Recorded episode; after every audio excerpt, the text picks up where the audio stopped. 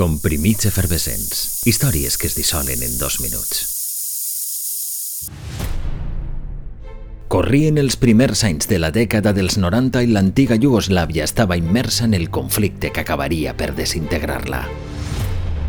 D'origen serbi, quatre guardaespatlles velaven permanentment per la seva seguretat, però aquell dia no li van servir de res. En només un instant, una carrera brillant es truncaria per a sempre.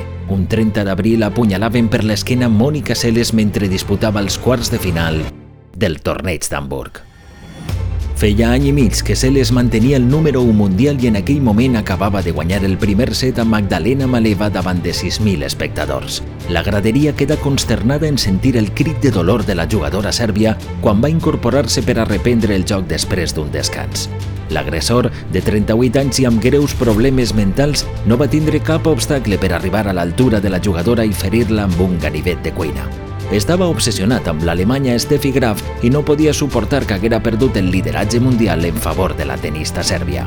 La lesió, afortunadament, no revestia gravetat. Per contra, la ferida emocional i mental fou molt més profunda. De fet, mai més tornaria a recuperar la confiança i considera que no van castigar l'autor de la seva agressió amb suficient severitat. Fou condemnat a dos anys de llibertat condicional.